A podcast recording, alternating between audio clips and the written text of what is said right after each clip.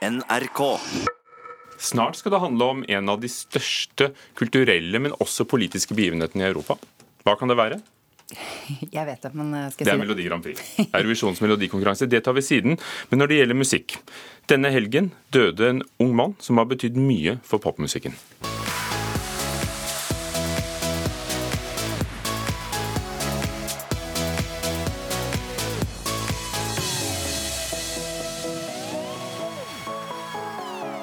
Levels var gjennombruddslåten fra 2011 for Tim Bergling, kjent som Avicii.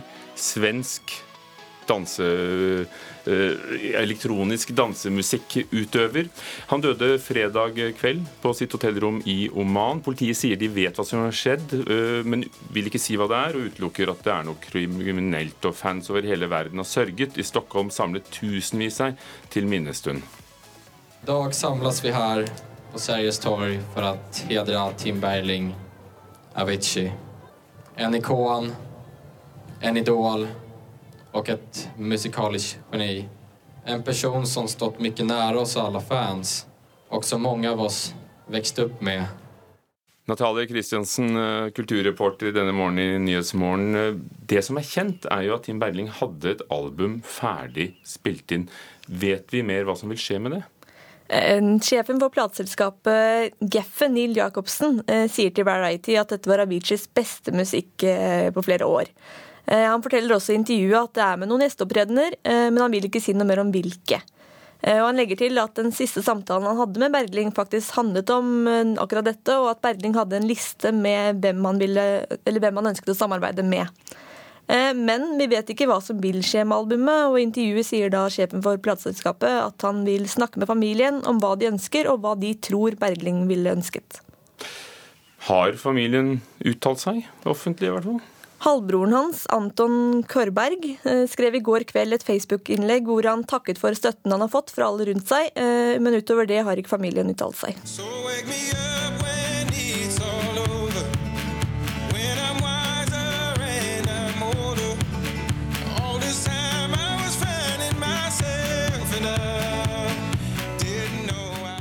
Og denne låten, eh, 'Wake Me Up' fra 2013, er Aviciis mest spilte låt på strømmetjenesten Spotify.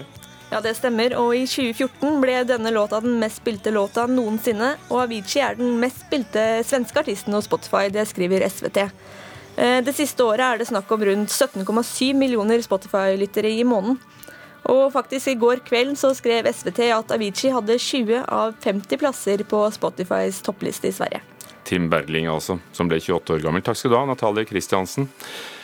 Fra stor og populær artist til kostbar og stor film. En av historiens mest kostbare filmer, faktisk, får premiere på onsdag på kinoene. Superheltfilmen Avengers Infinity War har visstnok et budsjett på eh, 2,5 milliarder kroner.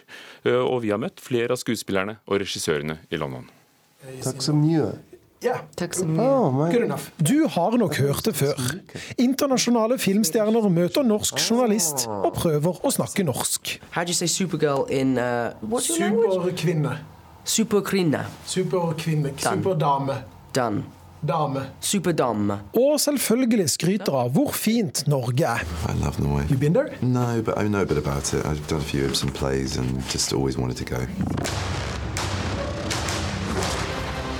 Skuespillerne du hørte prate, spiller noen av hovedrollene i filmen Avengers Infinity War, som har premiere i Norge denne uken. Den 19. filmen basert på tegneseriefigurer fra Marvel-universet. Denne gangen er alt større, dyrere og mer ambisiøst. We were shooting for a year straight, and I think the last three months were the hardest. It was for just sure. crawling, crawling. Regissørbrødrene Anthony og Joseph Russo, populært kalt Russo Brothers, filmet både denne filmen og oppfølgeren som kommer neste år, samtidig. Um, Siden filmene inneholder ekstremt mye grafiske spesialeffekter, var det en krevende prosess. These are very complex movies, each of them individually, and to shoot two of them back to back was a, a really complex process. I tillegg er de fleste superheltene som finnes i Marvel-universet, samla i denne ene filmen. Mange kjente skuespillere, med andre ord. Denne skuespillerstemmen, for eksempel, kjenner du kanskje igjen. Um. Benedict Cumberbatch er for nordmenn flest mest kjent som detektiven Sherlock Holmes fra TV-serien Sherlock. Come, Watson, come. I denne filmen spiller han Dr. Strange, en magiker med overnaturlige evner. Noe som krever mye spesialeffekter. How do you relate to those visual effects? Yeah, you feel a bit silly sometimes, but you know, like all acting, you're committing to lies, you're committing to smoke and mirrors, you're just sort of trying to pretend that stuff that's not there or not happening is happening and that you're you are in circumstances that aren't your own. So it's all pretend and play. Do you have a Spider-Man costume at home? Uh, yeah, actually, I do. Actually, yeah, I do have a Spider-Man costume at home. It's a Den britiske 21-åringen Tom Holland spiller Spiderman i filmen, og forteller at det faktisk har hendt at han har brukt Spiderman-drakta i private sammenhenger. Blant annet en gang han skulle på fest. The last time I wore that suit, I was going to uh, a fancy dress party, which turned out not to be a fancy dress party. So I was the only one dressed up. I was wearing a skin-tight Spider-Man costume. but who's laughing now? Og reporter var Christian Ingebretsen.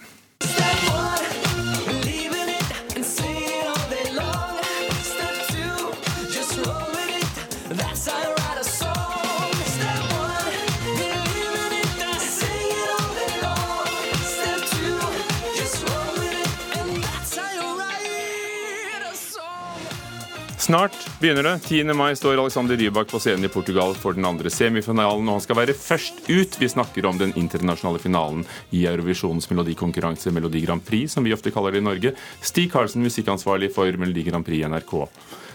Ja, hei.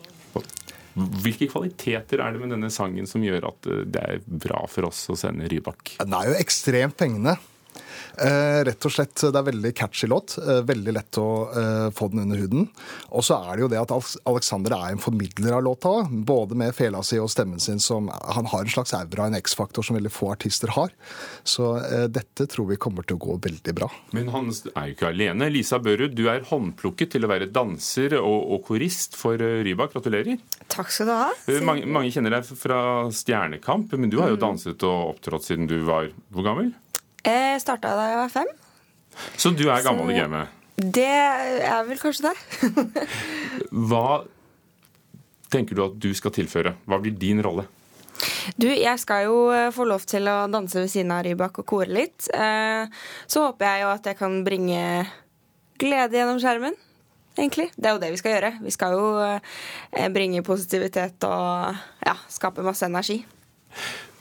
Hvorfor har dere byttet ut um, alle rundt Rybak? Altså, I MGP så hadde vi jo noen helt fantastiske dansere med.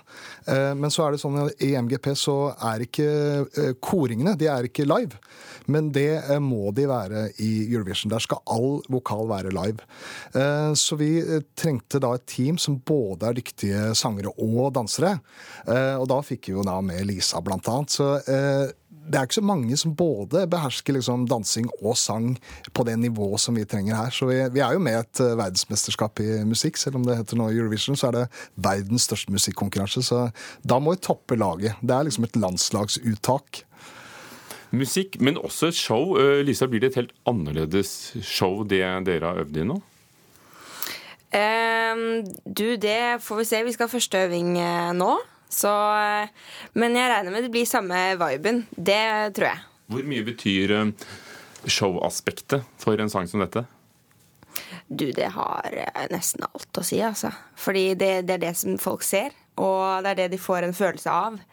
Og den kvaliteten som Rybak har med å kunne showe så mye og nå gjennom skjermen på den måten, den er veldig spesiell. Og den når folk, tror jeg. Det var veldig hyggelig av deg å snakke om Rybak, så kanskje du Stig Karlsen, får si hvilke kvaliteter Lisa Børud har? Det er jo litt jeg har vært inne på. Det er ekstremt få som rett og slett både kan mestre vokal eh, så eh, godt som Lisa kan, og danse.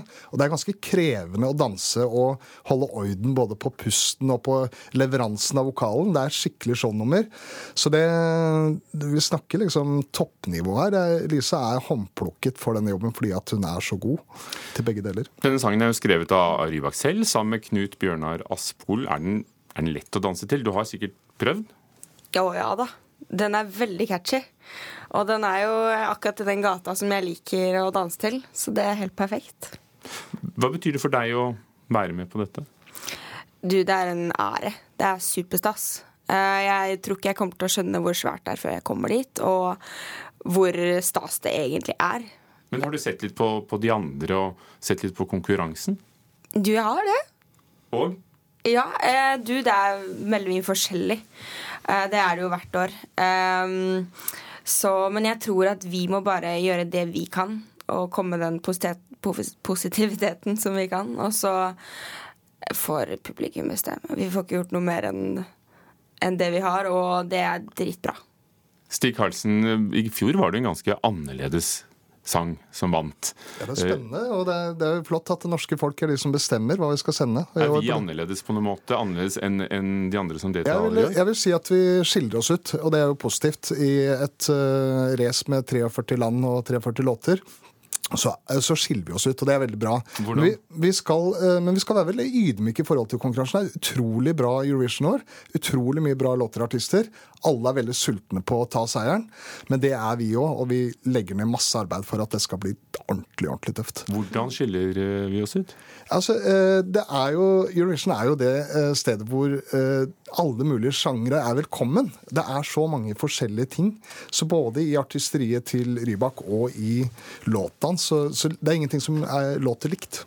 Stig Karlsen, musikkansvarlig for MGP, takk skal du ha. Lisa Børud, eh, nå da danser og korist. Eh, Gleder eller gruer du deg?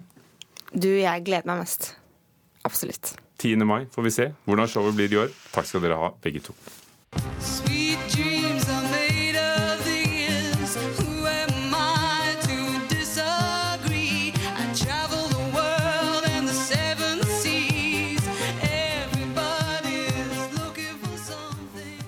I helgen, I helgen hadde teatergruppen Statsteatret urpremiere på forestillingen 1980 Aker Brygge på Sentralteatret i Oslo. Og Statsteatret har eh, da kommet til 80-tallet i sin reise gjennom norsk historie. Karin Frøsland Nystøl, vår teaterkritiker. eh, Det er jo da en grunn til at vi spilte Eurythmics her.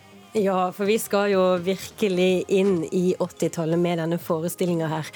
Statsteatret har, som du sier, de har spilt seg gjennom norgeshistorie og kanskje speiler vår egen tid i disse forestillingene.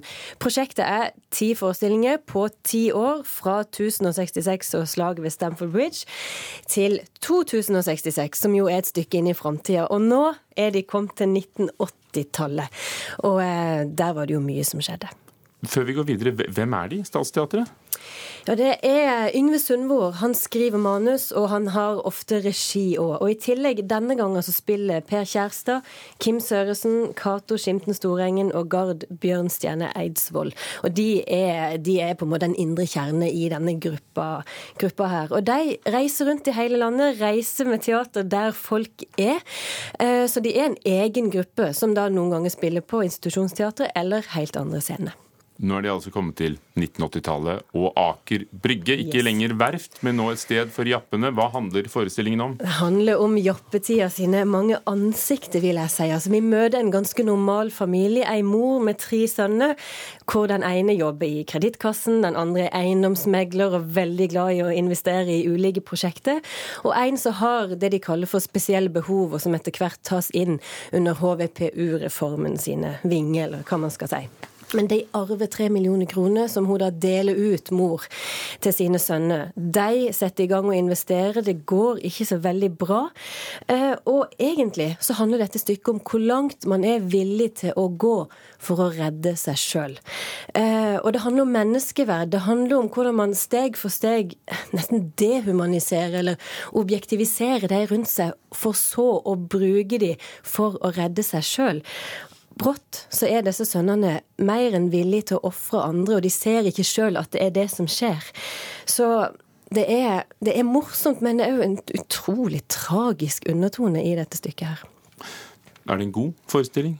Ja, jeg syns den er både god og interessant. Den er veldig morsom. Det er jo gøy når de kommer bærende rundt på liksom, mobiltelefonene i koffertstørrelse, ikke sant? og alle ler.